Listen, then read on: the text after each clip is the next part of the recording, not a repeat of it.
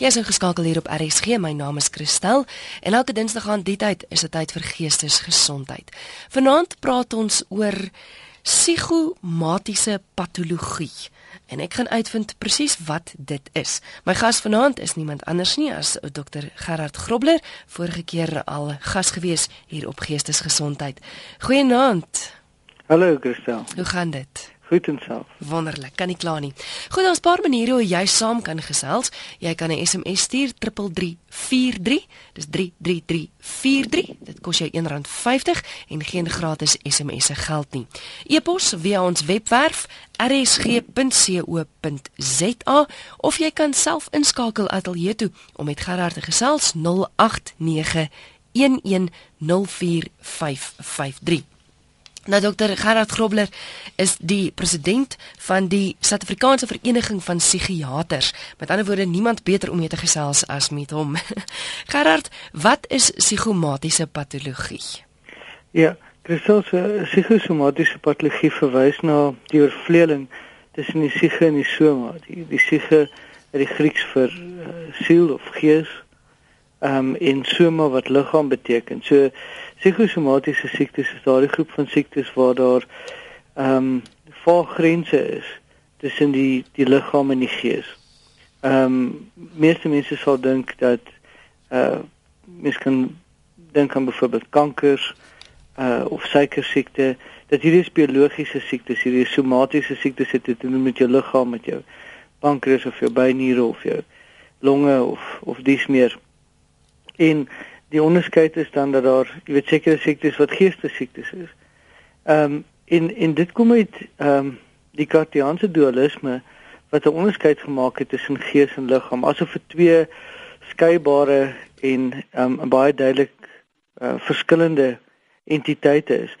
Maar ek dink daar's 'n groeiende bewussyn dat daar 'n dat daar baie sterk ooreenkoms is tussen wat in 'n mens se siel of se siege of gees hoe jy dit ook al wil beskryf gebeur en wat in mense liggaam gebeur.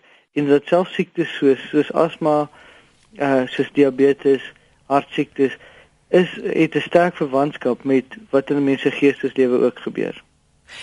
Ek weet mense sê baie maal mense wat siek is it's all in the mind verstaan mm. is dit so jy sê nou dat daar wel 'n verband is maar kan jy jouself gesond dink mm. dit dis 'n baie moeilike vraag om te antwoord want ek dink dit raak ehm um, aan aan 'n hele klomp konsepte van wat dit sou beteken om gesond te wees, wat dit sou beteken om siek te wees en wat wat dit sou beteken om te dink. en en dit is alles filosofiese velde op hulle eie. Ehm um, ek dink die die beginpunt van ons gesprek moet wees dat ons beweeg weg van die die vorige onderskeid dat die liggaam en die siege twee heeltemal aparte en ehm um, nie oorvleelende entiteite is sodat daar's goed wat in jou liggaam gebeur wat niks te maak het met jou met jou siel nie en, en andersom. Na 'n posisie waar ons sê daar's 'n oorvleeling. Wat presies 'n oorvleeling is en hoe dit presies werk is is nog nie heeltemal seker nie. Die, ten minste nie van 'n wetenskaplike punt nie. En ek dink weet mense met verskillende uitgangspunte sal verskillende antwoorde hê vir hierdie uh, groep van toestande waarna ons kyk. Ek ek dink een van die goed wat ons wat ek ten minste baie sien in praktyk is dat wanneer mense deur 'n algemene praktisyn of spesialis verwys word na 'n psigiater toe, dan is dit asof die die uh, implikasie daarvan is dat hierdie is nie 'n regte siekte nie. Jy weet jy moet 'n psigiater gaan sien want hierdie is alles in jou kop en hmm. en dit is nie regtig waar nie. En die die groene bewussyn is dat hierdie uh, geestesiektes as jy wil is net sulke werklike siektes as wat liggaamlike siektes is. So dis sekerlik moontlik om jouself siek te dink en is sekerlik tot 'n mate moontlik om jouself gesond te dink. Een van die modelle wat ek met my pasiënte baie gebruik is om te sê dat een van die probleme met met die harde geestesiektes, ek praat van skizofrenie byvoorbeeld, is dat ehm um, die die orgaan wat 'n mens sou gebruik om te beoordeel of jy siek of gesond is is die is juist die orgaan wat uh wat skeet het wat wat siek is op daardie oomblik. So dis baie moeilik vir mense baie keer wanneer hulle aan 'n aan 'n geestesiekte ly om te onderskei of hulle siek of gesond is. Hmm. Daardie interne bewussyn van van wat met my gebeur en en waar ek is in my lewe. Dis juist dit wat versteur word. Ehm um, maar dis dis daar sekerlik al hoe meer aanduidings dat dit wat mense dink, wat hulle verwagtinge is, ehm um, hulle ingesteldheid, hulle benadering tot hulle omstandighede het 'n groot impak ook op hulle fisiese gesondheid. So uh, in daardie sin is dit moontlik om jouself gesond of siek te dink. Maar ek dink mense moet versigtig wees weer eens om 'n om 'n baie eenvoudige kausaliteit te stel om te sê dis net omdat jy so dink dat hierdie of daardie probleem met jou liggaam gebeur. Nou verstaan ek hoekom dokters um, sulke moeilike werke het want want soos ek verstaan is dit die twee hang eintlik baie nou saam en is moeilik om die een van die ander een te skei. Ja. Ek ek dink ehm um, op 'n manier probeer ons hierdie gesprek baie eenvoudig hou maar ook met die bewustheid dat dit eintlik 'n baie komplekse mm. interaksie is sodat ek dink die die boodskap wat ek wil oorgee vir mense is dat daar is nie 'n eenvoudige antwoord van om te sê jy moet net beter dink of net meer positief wees dan gaan al jou probleme opgelos wees nie. Dis dis bietjie meer kompleks as dit. Maar die die die ander kant van ehm um, van eenvoud of die oorvereenvoudiging van hierdie van hierdie situasies om te sê wel dit wat in jou liggaam gebeur het niks te doen met met jou gees nie en, en andersom. Ek dink ons moet wegbeweeg van al twee hierdie ekstreme standpunte af om te erken dat hierdie goed is baie ingewikkeld, is baie kompleks maar dat dat dit wat in mense geesteswêreld gebeur is net so werklik of net so geldig mm. soos wat dit wat in jou liggaam gebeur en en mense sukkel soms om daardie onderskeid te maak of daardie jy weet erkenning te maak om te sê dat dit wat in my geesteslewe gebeur dit wat in my in my bewussyn gebeur of in my in my wese is uh, is anders as dit wat in my liggaam gebeur op 'n manier is dit wat in ons liggame gebeur baie meer ehm um, baie meer eg baie meer uh werklik as dit wat in my geesteslewe gebeur. En ek dink dit dit is nie 'n akkurate standpunt ten minste in die wetenskap waarmee ek besig is nie. Ja. En ek dink daar's daar's nie 'n plek vir dit beter illustreer as, as die hele konsep van byvoorbeeld iets soos uh, gender identity of ehm um, geslagshertoewysing nie waar waar mense 'n liggaam het as 'n man byvoorbeeld maar glo of ehm um, jy weet oortuig is daarvan dat hulle eintlik 'n vrou is. En dit is miskien 'n gesprek vir 'n ander aand, maar ek dink dit, dit is soort van vir my die die toppunt van hierdie kompleksiteit. Mm. Jy is ingeskakel op RSG, jy luister na Geestesgesondheid. Kom ons kyk gou ons het 'n oproep. Ek wil tog vra dat as jy deurkom, jy so gou as moontlik jou radio sal afsit en dit nie vroeër nie en dadelik sommer net ook sê wie jy is. RSG goeienaand. Goeienaand anoniem van Natal. Ek eh, is nie seker of hierdie of my vraag hier hoort nie. Ek gaan gou die agtergrond skets. Ek se taalonderwyser en 'n jong man van ach, ongeveer 32, 35 het ehm um, eenmaal na my gekom. Ek gee privaat onderrig in in in Engels. Hy's as Afrikaans sprekend.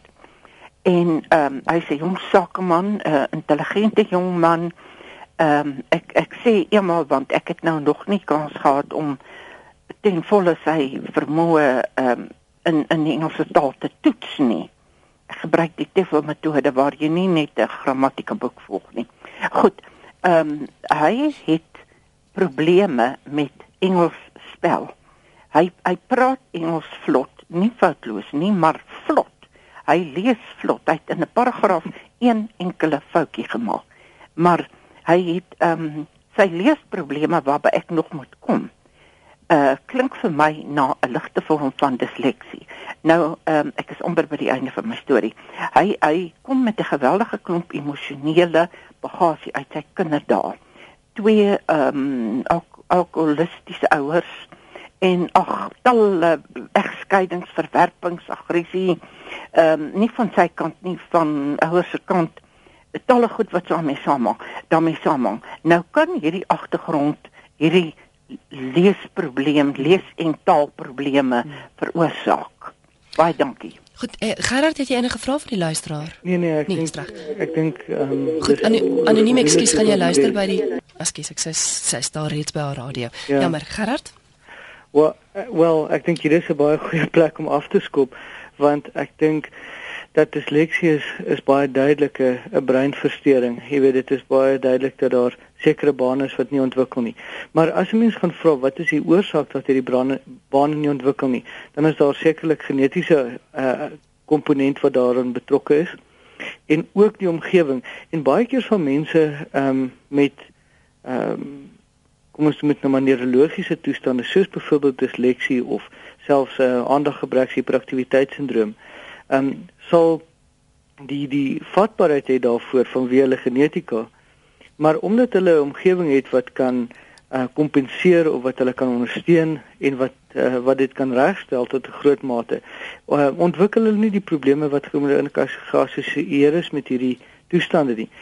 En ek dink wat die luisteraar beskryf of die uh, inluisteraar beskryf is is presies dit dat hier so 'n persoon wat besmoontlik 'n risiko het uh vanweë genetiese agtergrond en wat dan boop dit in 'n omgewing is waar daar baie min ondersteuning is uit weet die stories soos wat ons dit nou het. Ehm um, wat nie kan ehm um, kompenseer vir die gebrek wat daar is nie en wat dan probleme ontwikkel.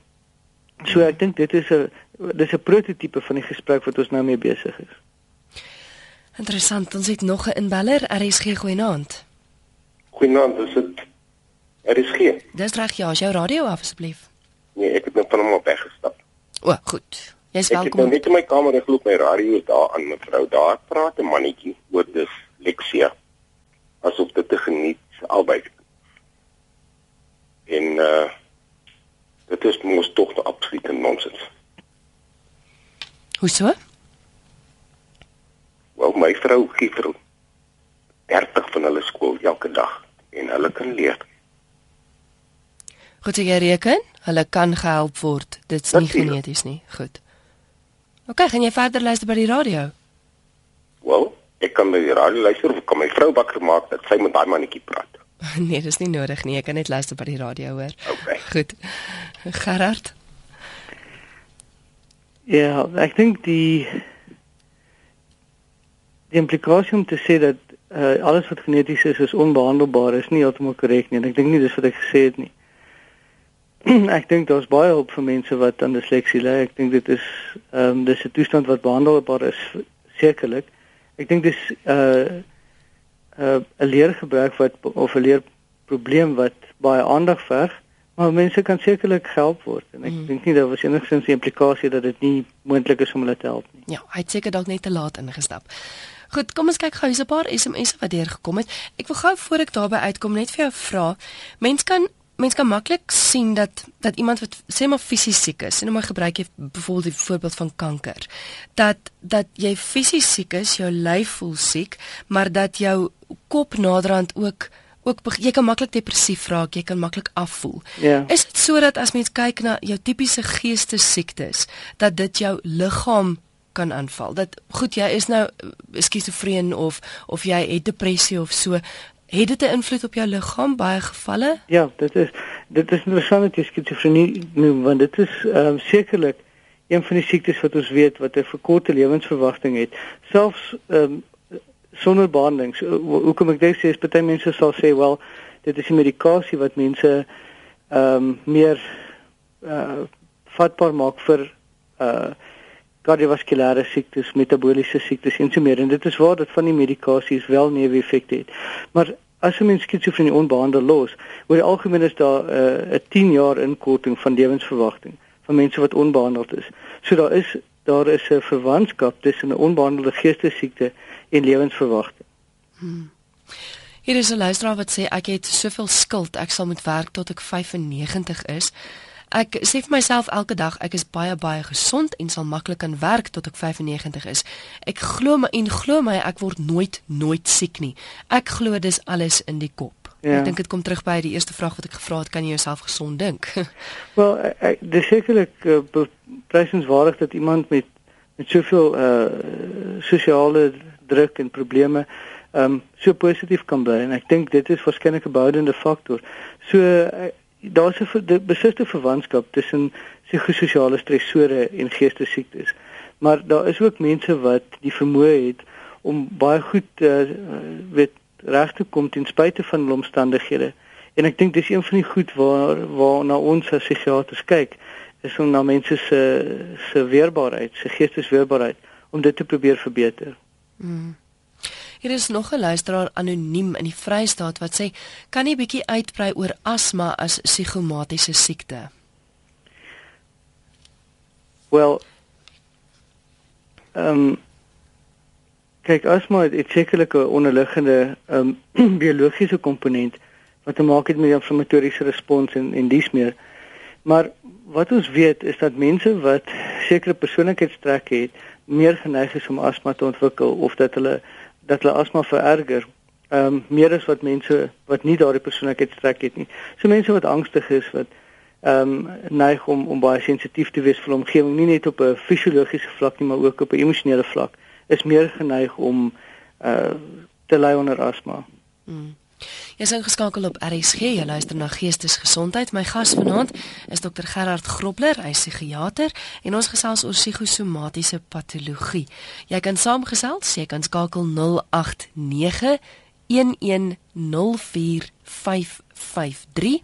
Jy kan 'n SMS stuur na 3343 of jy kan 'n e-pos stuur via ons webwerf rsg.co.za.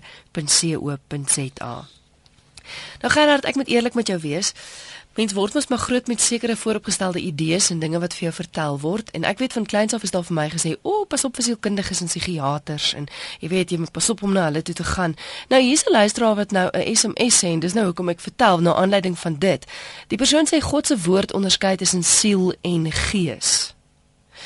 Wat maak jy van daardie opmerking?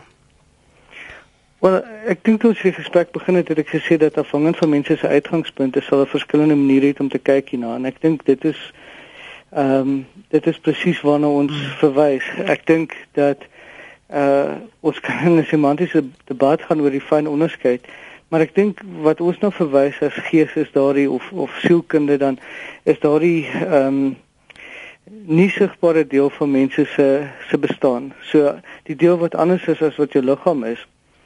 Ehm um, as mens dit wil onderskei van gees, wel, dan is jy seker vry om dit te doen.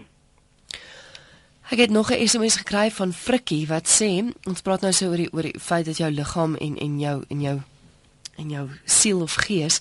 Hy sê is dit so stres jy verwag moeilikheid en dan word jy naar kramp op die maag, jy voel oulik, maar mm. dit is tog baie maal is daar vir jou gesê, ek meen ek was al 'n hele paar keer by die dokter en dan sê hulle net maar wat jy jy het net baie stres, verstaan? Mm. Is dit soos wat hy sê, is dit so stres?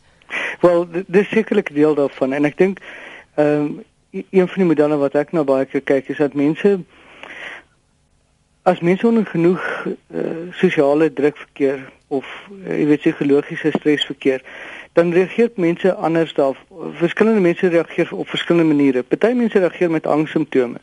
So tipies wat die wat die uh, wat Frikkie beskryf, weet naarheid, um, hartklopping, sweet, bewerigheid, die tipe van goed. Party mense ontwikkel emosionele simptome. So as jy 'n uh, eh, genetiese risiko het byvoorbeeld vir vir bipolêre siekte, dan ontwikkel jy simptome van of 'n maniese of hipomaniese episode of dan 'n depressie depressiewe episode. En en so as jy as jy nie meer neig na uh, wat ons noem unipolêre depressie, dan gaan jy waarskynlik depressiewe simptome ontwikkel.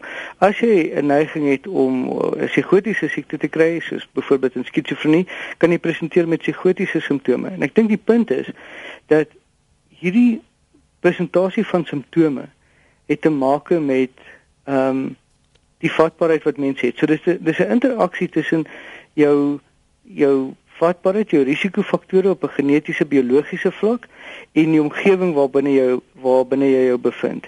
En en die interaksie tussen die twee, die epigenetika gaan lei tot 'n uh, bepaalde toestand wat na vore sal kom. Kom ons kyk of dit nog 'n inbeller RSG goeie naand. Uh, Goeienaand. Ag ek hoop nie ek ek ek het dan nie die laaste geluister nie en dat ek dit dalk nog gaan herhaal nie. Ek wil net graag weet posttraumatiese stres wat mens gehad het vir baie jare lank. Ehm um, ehm um, sis is in my huwelik wat ek ehm um, ongelooflike fronte moes hou en maskers moes dra om om te kan koop. En ehm um, nou op uh, eh, 60 is uh, kan jy dit nou nie meer volhou nie en jy kom agter dat jy ehm um, vir rukkie wel in mense se geselskap kan wees, maar sodra daar sekere uh, tipe gedrag verwag word van jou soos om dat dan kan jy nie dit of jy na die tyd geweldig moeg en uitgeput mm. is asof jy nie daai front meer vir so lank kan voorhou nie. Is dit iets wat kan herstel of is dit iets wat mens kan aan uh werk dit is beslis in die maat weet of nie in 'n mate nie dit is beslis uh daarvan dat ek um, uh en ek dit begin my bekommer want ek begin voel ek kan nie meer ek kan nie meer uh volhou met dit wat my lewensverwagting vir my gee nie. Goed, gaan jy luister by die radio? Ek kom probeer, dankie hoor. Baie dankie. Baie dankie. Kon jy duidelik hoor, ja, Gerard? Ja, baie interessante vraag en ek dink dit is 'n 'n baie algemene uh klagte wat ek hoor van mense is dat hulle dat hulle sê maar dinge begin vir my te veel word. En een van die maniere hoe ek daar dink is om dit amper te konseptualiseer as 'n dam wat 'n mens het uh, met 'n damwal en daardie damwal is die die verdedigings wat 'n mens het, jou intrasegiese verdedigings. So daar's verskillende maniere hoe mense dit sou doen, byvoorbeeld deur deur humor of altruïsme of die intrasegiese verdedigings wat mense het om met hulle spanning te te werk. Nou die dame het gepraat van posttraumatiese stresversteuring. Ek ek weet nie presies wat sy daarmee bedoel het nie, want vir ons as psigiaters is dit 'n baie spesifieke betekenis. Maar ek wat ek tussen die lyne gehoor het is dat sy 'n baie uh onbevredigende en, en moeilike uh, fase in haar lewe deurgegaan het. En ek dink dat wat gebeur is as mense kronies blootgestel word aan uh hierdie tipe van van spanning dan is dit asof 'n dam wil asof die dam volloop. Daar's 'n daar's 'n klomp water wat ehm um, inloop en op 'n stadium is dit moontlik dat daardie dam wil oorstroom dat daar net te veel water is wat in daai dam is. En dit is wanneer mense dan begin simptome kry. So ja, dit is iets wat ons wat ons sien dat mense as hulle lankdurig blootgestel word. Die oplossing weet die vraag die die antwoord is dat jy mens een van twee goed moet doen. Jy moet of die die bron van jou spanning moet jy wegvat of minder maak. Dis 'n een moontlikheid, maar dis soms nie moontlik vir mense om dit te doen vir verskeidenheid van redes. Of jy moet dit dan wel behoor bou en by wyse van spreek. So jy moet die die nodige ehm um, tegnieke en die nodige vaardighede aanleer. En dis wat ons doen in terapie. Ehm um, in berading is baie keer deel daarvan om te sê hoe maak ons die verdediging sterker? Hoe maak ons die dan wel hoër? of hoe kan ons werk aan die bron van die spanning en kyk of ons dit op 'n manier kan beter maak. Hmm. Sonja, ek hoop jou vraag is ook beantwoord. Sy het ook 'n SMS gestuur wat daarmee verband hou. Hier is 'n luisteraar wat sê Ek het die afgelope jaar verskeie traumatiese ervarings beleef, onder andere my man het my verlaat, hy onderhou my nie, my kind weier om by my te bly, hy het die kind, hulle bly by mekaar en ons het geen kontak nie. Mm. Hulle leef in weelde. Ek het hulle amper 'n jaar laas gesien en skielik het ek in mekaar gesak. Ek het verskriklike pyn in my bene. Mm. Ek kan nie op hulle staan nie. Die ekstrale wys dat daar nie fout is nie. Kan dit wees dat die trauma bydra tot die pyn ja. in my liggaam? Ja. Vir meer as 'n maand is ek onaktief. Wel, eh, ek dink weer eens dit is 'n prototipe van die gesprek wat ons nou het. Mm. Dit hierdie tipe van ehm um, simptome na vore kom en en baie keer ehm um, is dit ook uh, of daar's 'n teorie te mense dat dit baie keer makliker is vir mense om erkenning te gee aan fisiese pyn as wat dit is om aan emosionele pyn ehm um, erkenning te gee. Weerens van hierdie verwagtinge dat dit is meer werklik, dis meer akkuraat om te sê maar my liggaam is siek eerder as wat my wat my gees of my siel siek is. So ehm um, ja, ek ek dink dis baie moontlik dat hierdie goed verband hou met mekaar.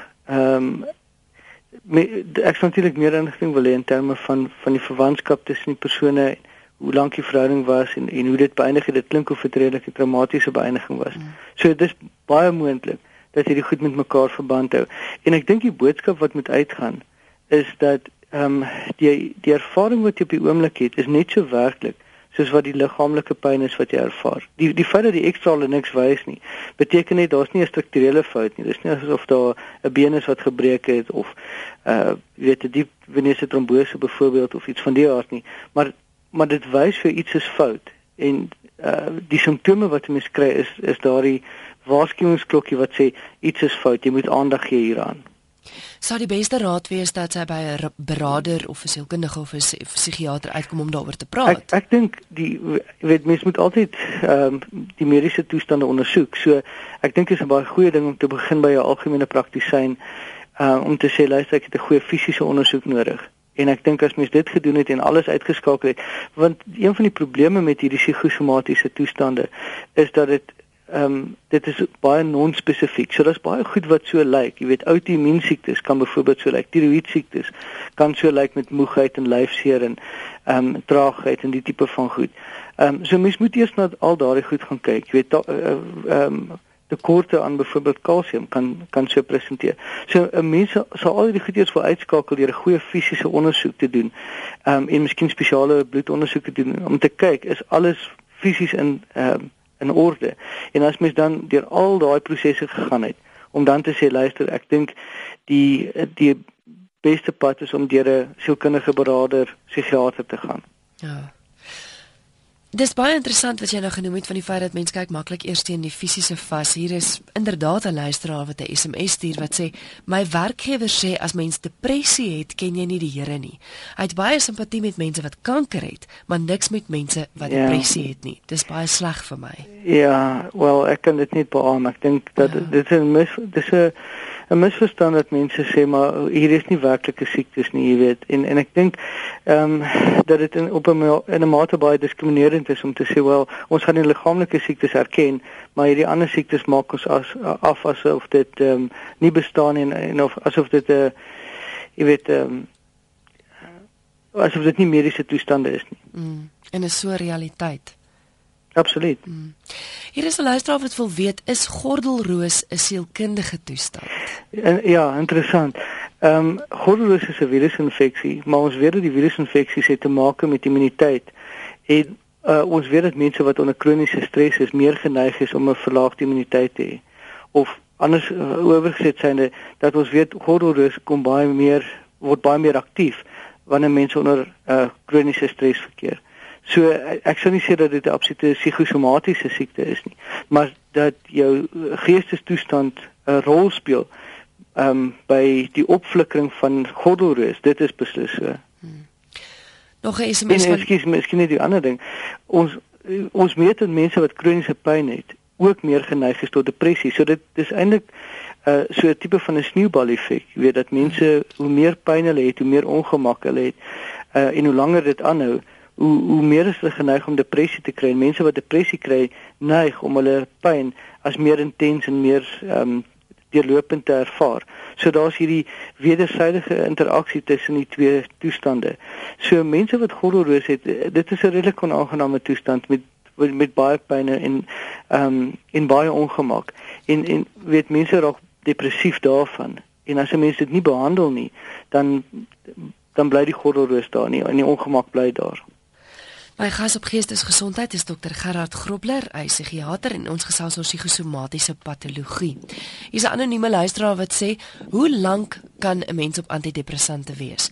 Ek is vir die afgelope 2 jaar mm. op 10 mg, sy noem nou die naam, ek is nie seker om dit uit te spreek nie. Ek is bang om dit te los want ek wil nie weer in depressie val ja. nie.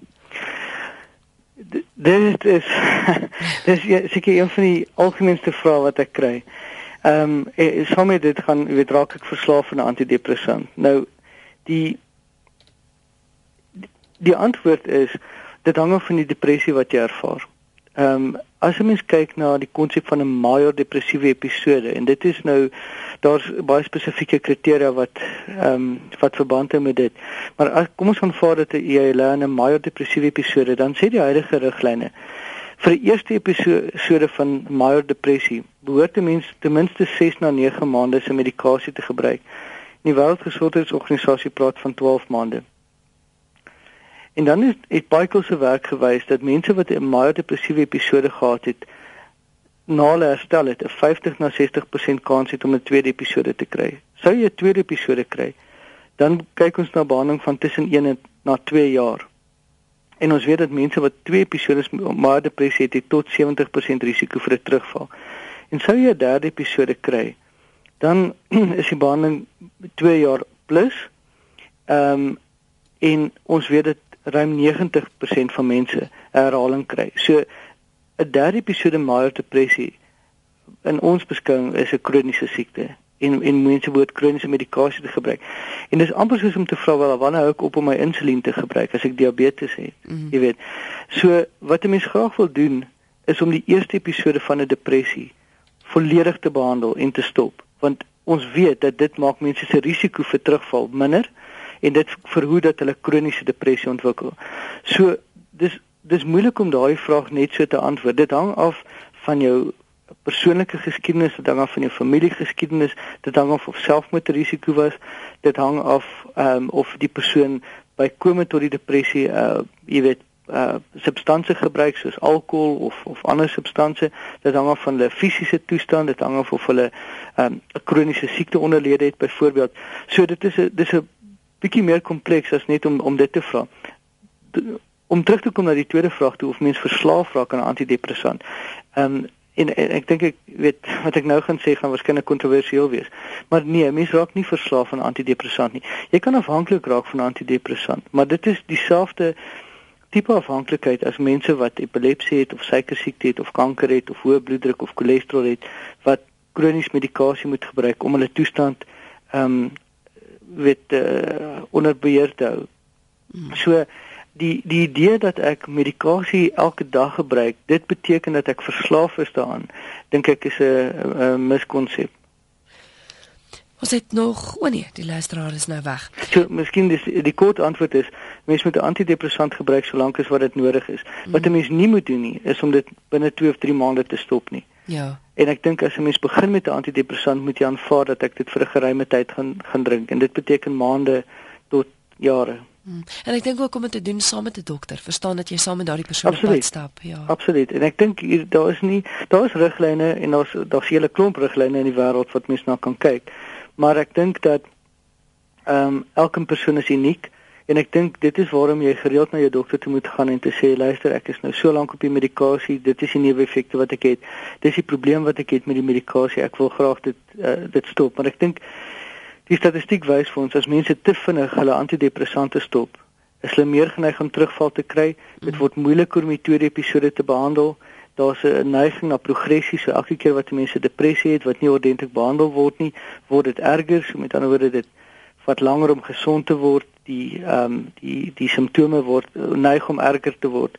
So die boodskap is as as 'n mens gediagnoseer is met 'n depressie en die besluit is saam met jou dokter ek moet 'n antidepressant gebruik, moet 'n mens dit vir lank genoeg gebruik in die regte dosering en mens behoort dit met jou dokter te bespreek voordat die medikasie stop. Mm. Hier is die luisteraar wat wil weet, is daar 'n verband tussen emosionele skok en die aanvang van diabetes? Ja, nee, daar is. Ehm um, dit is nie waar weet dit sou waarskynlik meer die tipe 2 diabetes wees, maar uh, daar is beskryfde gevalle in die literatuur waar mense van wie emosionele uh, skokke kom vir by gebrek aan 'n beter woord, ehm um, die toestand aan die gang sien.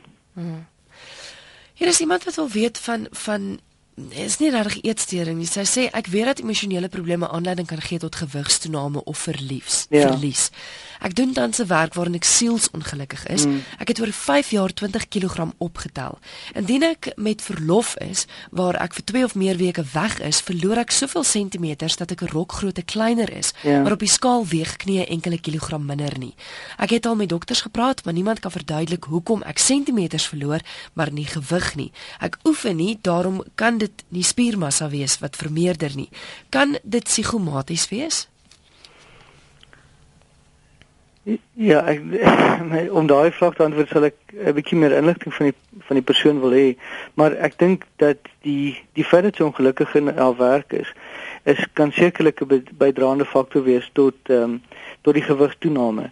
Ons weet dat mense wat uh, ongelukkig in 'n werk baie minder gemotiveerd is as ander mense vir alles in die oefening doen nie, dan ehm um, verhoog dit mense risiko om om gewig op te uh, aan te sit. Ehm um, die hele idee van comfort eating waar mense sal gaan sit en en eet omdat hulle ongelukkig is. Ehm um, ja, daar's ook heel weet klomp teorieë rondom dit dat mense oraal gefikseerd raak en ek wil nie in daardie hele debat ingaan nie.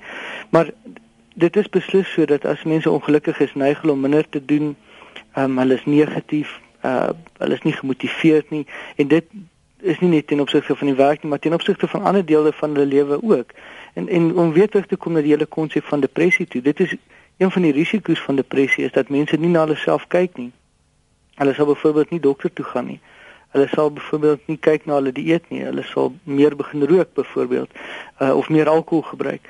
En dat dit is alles risikofaktore wat jou gewig beïnvloed, wat uh, prediabetes beïnvloed of insulienweerstandigheid uh, beïnvloed. So een moontlike uh, uh, een moontlike meganisme is insulienweerstandigheid. Dit is 'n moontlikheid, maar ek weet mense sal meer inligting moet hê rondom dit. Ja. Dan is hier 'n luisteraar wat wil wat wil weet, kan jy dalk die toestand bespreek wat ek as hysteriese blindheid leer ken het? Ek weet glad nie wat dit is nie. Ja, ek is nie seker waarna die persoon verwys nie. Daar daar is ehm um, beskryfde gevalle, maar dis enkel, enkel gevalle. Dit sal waarskynlik val onder die konversie eh uh, versteurings. En die konversieversteurings, die idee daarvan is dat mense eh uh, dit het 'n ekstreme verdediging is. Ehm um, in in baie van Freud se werk is gedoen op op konversie en hipokondriase waar mense ehm um, van wie hulle emosionele uh, toestande wat onaanvaarbaar vir hulle is, fisiese simptome ontwikkel, byvoorbeeld nie kan sluk nie of blindheid ontwikkel of lamheid ontwikkel byvoorbeeld, ehm um, dat hulle verlam raak in 'n deel van hulle liggaam, ehm um, of sensasie verlies, verlies het in dele van hulle liggaam en dat hierdie eintlik simboliese ehm um, simboliese kompensasies is vir die vir die patologie wat hulle ervaar.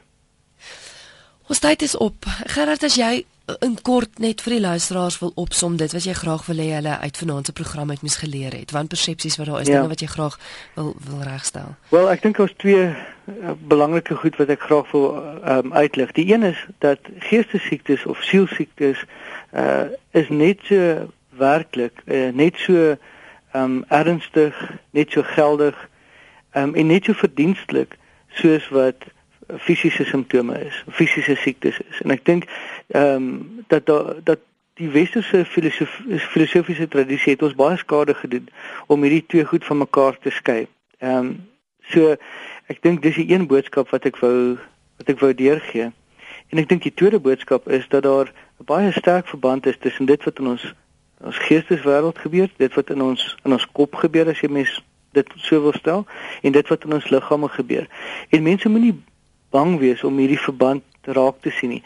Ehm um, soos ek voorheen gesê het, mense sou baie keer na my toe kom en sê, "Wel, ek was nou by 'n 'n dokter gewees en die dokter vind niks fout met my nie en daarom sê hy ek moet die psigiater kom sien want hulle dink ek sit aan of ek is mal of ek jy weet ehm um, daar's niks fout met my nie so ek moet die psigiater kom sien en dan probeer ek vir hulle verduidelik maar ek dink wat gebeur is dat jou liggaam sê hier's iets fout met my siege en hmm. en dit is net so geldig soos wat 'n uh, 'n uh, fisiese toestand is.